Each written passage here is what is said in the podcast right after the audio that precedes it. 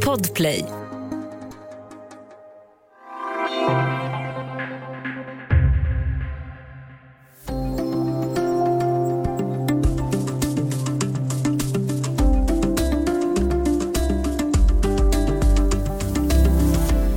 En halv miljon amerikaner har dött i covid-19. Det gör USA till ett av världens mest drabbade länder. Men Vita huset tror nu att alla vuxna amerikaner ska vara vaccinerade redan i maj. Hur ska det gå till och vill folk ha vaccin?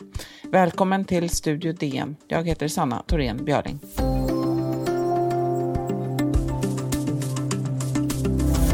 Amerikanska myndigheter har gett tillstånd för akut användning av Johnson Johnsons vaccin. Det är det tredje vaccin som får tillstånd i USA. Och det räcker med en enda spruta av det där.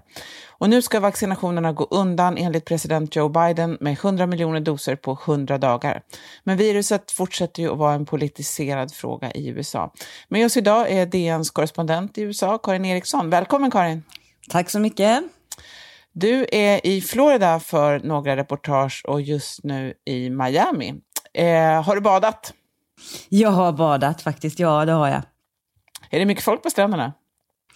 Eh, nej, det är inte så mycket folk på stränderna eftersom det här, jag badade igår på en vardag. Men jag var i Orlando på, i helgen och var, när man rör sig där så var det otroligt mycket folk. Så att, så att här, är mycket, här är mycket turister, framförallt helgtid då, när människor är lediga och kan ta en, ta en weekendtripp.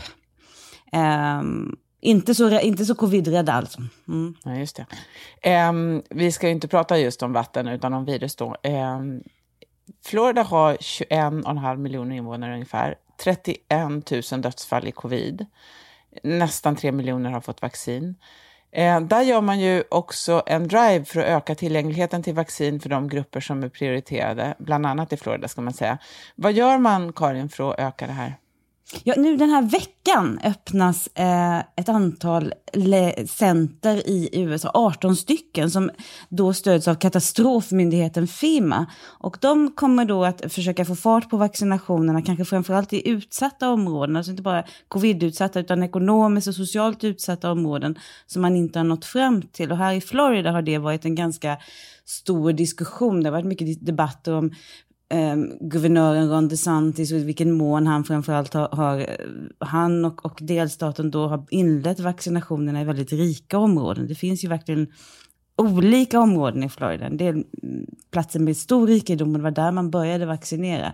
Så nu öppnar i, här i Miami ett, ett eh, center som ligger i en lite mer utsatt del av stan där man tänker att man ska kunna vaccinera 3000 personer om dagen. Det öppnar likna, liknande center i Tampa, i Orlando, i Jacksonville och det öppnar i Texas, i Kalifornien, i New York och då är det katastrofmyndighetens federala. Sen finns ju massor av andra vaccinationsplatser som sköts av delstaterna. Så det här är ju det här, det här sker på så många nivåer, men just den här satsningen från Fima, den är ju också för att de ska leva upp till det här löftet som Joe, Joe Biden har gett om 100 miljoner doser på 100 dagar. Och vad jag förstår så kommer, kommer ju USA att slå det med råge. Mm. Det är ju häftigt. Florida är ju spännande, just som du säger, att det har så många dels en stor eh, latinobefolkning men också många pensionärer som ju är i riskgrupp och en del av dem är ju rätt välbeställda. Du nämnde Ron DeSantis, han är ju guvernör i Florida. Han har ju också seglat upp som en kandidat för presidentvalet 2024, om det är någon som orkar tänka på det redan. Eh, oh, det Florida... är många. Här är det många. Ja. Mm. I, I Florida så har hans eh, förtroendesiffror också stigit och han slår sig lite för bröstet för det här. Eh, nu ska vi höra hur han lät på den konservativa jättekonferensen CPAC för några dagar sedan. I now give you Governor Ron DeSantis. All right. Thanks. Florida has lower per capita COVID mortality than the national average and lower than 27 other states. Florida got it right, and the lockdown states got it wrong. Ja, Karin, hur mycket beror hans eh, popularitetssiffror på hans sätt att ta hand om pandemin, tror du?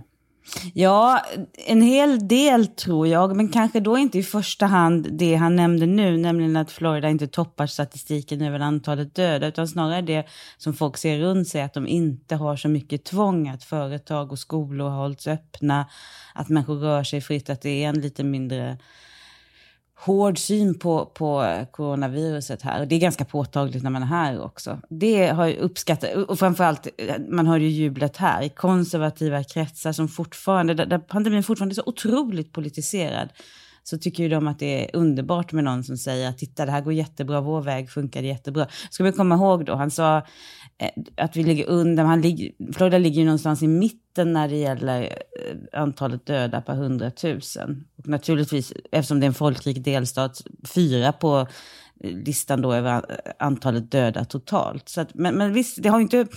Det där är intressant, att det har inte gått jättedåligt för Florida trots att man har den här mer avslappnade attityden. Um, man kan ju tänka sig att det kanske har med klimatet att göra också eftersom viruset verkar spridas mer när det är kallt.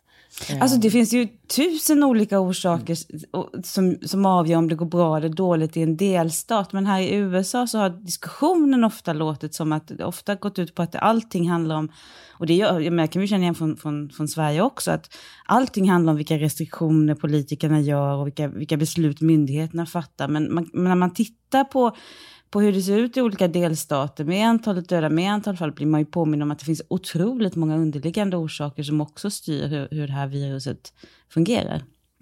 Eh, den här vaccinsatsningen som görs nu, den ska ju vara ett sätt att eh, nå minoriteter och utsatta grupper då som har eh, tuffare. Vilka grupper pratar man om då? Alltså det är ju väl, väl känt och har varit ända sedan starten att framförallt den svarta befolkningen har varit mycket hårt drabbad av covid. Även ursprungsbefolkningen har varit mycket hårt drabbad. Man talar om hur rasismen dödar i USA. Eh, så där, det, är ju, det är ju särskilda grupper som man verkligen vill nå ut till. Mm. Eh, de du har pratat med hittills, och inklusive också representanter för FEMA, vad hon säger, eh, vad, vad, är, är folk benägna, vill de ha vaccin? Nej, alltså där, de var väldigt glada när vi inspekterade lägret tidigare i veckan. Eh, förberedelserna då, då var de väldigt glada över att det här inrättas nu för att det finns en viss skepsis i vissa områden mot att ta vaccin. Eh, den stora debatten handlar om hur man ska få ut vaccinet till alla som vill ha. Där är vi fortfarande, men det, det är klart att det också finns vaccinmotståndare. Jag mötte även dem på på CPAC i Orlando som verkligen inte tror på det här vaccinet. Mm. Intressant. Det kan ju vara både, som du är inne på, där politiska skäl, men också bland afroamerikaner finns det ju ofta historiska skäl till att man är skeptisk mot att afroamerikaner har blivit utnyttjade i olika experiment tidigare. Vi ska alldeles strax tala lite mer om corona i USA.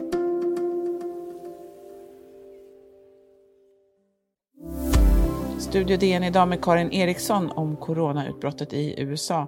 Ja, siffrorna är verkligen bedövande. Det är fler amerikaner som har dött i covid-19 än i båda världskrigen och Vietnamkriget tillsammans. Eh, Karin Vita huset har lagt ett förslag om ett stödpaket på 1900 miljarder dollar. Republikanerna är förbannade på det här och ser det som ett knep för Demokraterna att klubba igenom ren välfärdspolitik. Men du, vad, vad hoppas Biden eh, att det här ska åstadkomma? Nej, men det här har ju varit hans stora vallöfte. Han ska ta hand om den pandemi som Trump misskötte och som många väljare också tyckte att Trump misskötte. Eh, så att det här stödpaketet har legat starkt. Det, har, det, är ett av hans viktigaste delar. Väldigt mycket av det handlar ju faktiskt om att få fart på ekonomin också. Det är egentligen mindre delar som handlar om, om själva vaccinhanteringen och, och hanteringen av sjukdomen och, och, bidrag till vården och så. Men, men det är hans, hans, det är hans, han ska infria sitt främsta vallöfte helt enkelt få fart på allting. Eh, en del av de här reformerna, Republikanerna är ju arga på det här, de tycker att det är alldeles för mycket pengar. Men en del av reformerna är populära även bland republikanska väljare. Eh, du var inne på det tidigare också, att corona fortfarande är väldigt politiserat eh, bland vanligt folk. Eh, hur märks det där? Nej men det, det är nog lite, det är på, nog på olika sätt. Om man lyssnar till republikaner uppe i topprepublikaner, då hör man ju mer den här diskussionen, den var ju väldigt tydlig när, när den här konferensen var i helgen, att det som behövs är att vi håller samhället öppet, vi ska inte skicka bidrag till folk. Men under Trumps tid så var ju även de här understöden som, som är en ganska stor del av paketet, då var de väldigt populära och det, man kom ju faktiskt överens i, i kongressen om ganska många åtgärder då över partigränsen. Nu däremot, nu, har ju, nu, har ju, nu är republikanerna i opposition så nu har ju deras eh, naturliga instinkt mot allt som de upplever som slöseri med skattemedel, den har ju vaknat och skärpts och då är de inte alls lika intresserade av att, att dela ut. Man ska också komma ihåg att det, eftersom republikanerna är så splittrade så är det ungefär, det är ungefär just den instinkten som, som förenar dem alla. Eh, när de inte kan komma överens om vad de ska göra eh, med arvet av Trump så är de i alla fall överens om att de ska, eh, inte, de ska hålla skatterna nere och då är det ju, det här är ju enorma stödpaket. Eh, så är det. Men, men det var enorma stödpaket även under Trumps tid. Många republikanska väljare eh, som du har mött och som eh, kommer jag ihåg också från när jag var där senast, att det, det är många som, som spelar ner hotet från viruset. Eh, både med eh, sånt som är rena rykten och en del som är ja, bara alltså, konspirationsteorier. Märks det någonting från myndighetshåll att man försöker gå ut med någonting för att stävja information eller myter eller så? Nej, jag, jag, det, man får väl mer säga att, att det är eh, så att för alla som är, är eh, demokrater och de, administrationen nu så är det så självklart att det här är en allvarlig sjukdom, att det här viruset måste stävjas, att det här är vår stora, stora uppgift just nu. Sen går man ju liksom lokalt ute, som här ute i, i, i Miami nu när det här centret inrättas, då, då är det ju mycket olika flygblad och man går ut via kyrkorna, man försöker på alla möjliga sätt nå ut till människor och berätta att nu finns vaccinet och det kommer att vara vara jättebra. Möjligen ska man också då säga att när det gäller själva behovet av vaccin så råder ju ingen, ingen i toppen så finns det ju ingen, ingen eh, partipolitisk strid. Tvärtom, det som Trump sa när han talade i, i söndags var ju att ni ska inte låta Biden ta äran av vaccineringarna. Det var jag som fick igång dem. Så att där finns en enighet om att det är jättebra att hela USA vaccinerar sig. Och det för det är ju problemet man står inför om man säger att, man har sagt i massor av månader att det här viruset är inte, inte, inte så farligt, det sa ju Trump, liksom, det kommer att hända och sen kommer det vara borta igen. Eh, varför ska människor då gå och vaccinera sig? Mm. Ja, precis. Eh, det skiljer sig ju väldigt mycket mellan olika delstater vad man har för prioriteringar eh, och vilka restriktioner man har. Så Skolorna är ju öppna på vissa håll och inte på andra håll. Och så där. En sak som Biden vill göra nu är ju bland annat att prioritera lärarna, att de ska få vaccin ganska tidigt och så. I Sverige så diskuteras och jämförs ju strategier, vad som funkar och inte funkar. I USA är ju väldigt mycket just partipolitik. Eh, om man tittar på restriktioner, vad, vad accepterar folk i gemen eh, för restriktioner eh, som du har mött? Nej men det är så himla olika. Det är så himla olika på var man är. I Washington, där jag bor, där, där är ju folk är ju väldigt noga med, framförallt blir munskydden blir den stora symbolen då. Men det är så noga med hur man ska göra, alla följer regler väldigt mycket. Kommer man då till, till ett ställe som, som CPAC, eller när jag var i Montana nyligen, så är ju människor beter sig på ett helt annat sätt. Det som är lite spännande då är ju att när man tittar på den totala statistiken och jämför antalet döda per 100 000 är att det går inte riktigt att säga om vilka delstater som klarar det här bra och dåligt utifrån restriktionerna. Det där är ju jättestor diskussion i Europa när vi jämför länder hela, hela tiden. Inte alls lika mycket diskussion här, men det kommer ju bli otroligt spännande på sikt att se vad spelade politiska beslut för roll egentligen? Mm, mm. Ja, det är ju intressant nu också när Trump är borta. Det finns ju en debatt till exempel i New York där guvernören Andrew Cuomo, eh, som är demokrat, han har fått enormt mycket kritik och avgångskrav för hur han har mörkat statistik för äldreboendena till exempel. I kombination med anklagelser om sexuella trakasserier. Men det är ju en enorm diskussion och han var ju hyllad för ett halvår sedan. Han var jättehyllad och New York klarade det här jättefint. Men, men, och då är det ju så här, New York är, ju all, oavsett hur man mäter, om man mäter absoluta, nej, nej det ska jag inte säga, för det är högst, flest döda absolut är i Kalifornien, mest folkrika. Men New York finns ju med på den topplistan. Men framförallt om man tittar på antalet döda per hundratusen så ligger ju New York och New Jersey i, i toppen. Vilket antyder då att, och, och New York har haft ganska hår, eller mycket hårdare restriktioner och riktig lockdown. Um, och det har ändå inte gått så bra och det gick sämre än vad man trodde då med, med Cuomo eftersom viss statistik från vissa äldreboenden mörklades eller fördröjdes för att, inte, för att han skulle framstå som den här hjälten. Så det där är en jätteskandal och det där är de ju otroligt förtjusta över i, på motståndarsidan. Eh, Christine Nome som är guvernör från South Dakota höll ett bejublat framträdande på CPAC där hon berättade hur hon hade varit med i något tv-program och då hade, hon, då hade programledaren velat att hon hon skulle få ta råd av Cuomo som också var med. Han skulle berätta för henne hur man hanterade covid. Ha, ha, ha.